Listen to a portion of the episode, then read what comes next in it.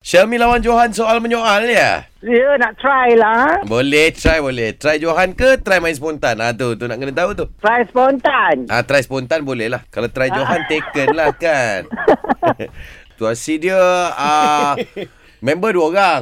Ha, dekat okay. rumah. Dekat rumah. Tengah bincang nak buat apa pasal tak boleh keluar rumah. Betul, Ah, tu. betul. Tiga, dua, satu. Spontan era. Ah, ya. Hari ni nak masak apa ya? Ah.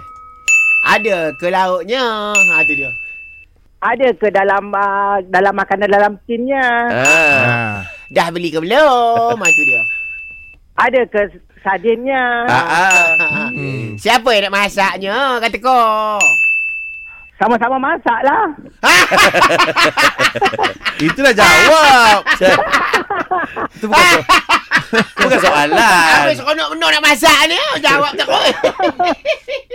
Tanya lah. lah. boleh jawab Dia terus Kenapa Ha. Kau boleh tanya. Tanyalah siapa yang masaknya. Ha tu. Itu soalan akunya. Oh. Kau tak pandai masak ke? Ha tu. Ah.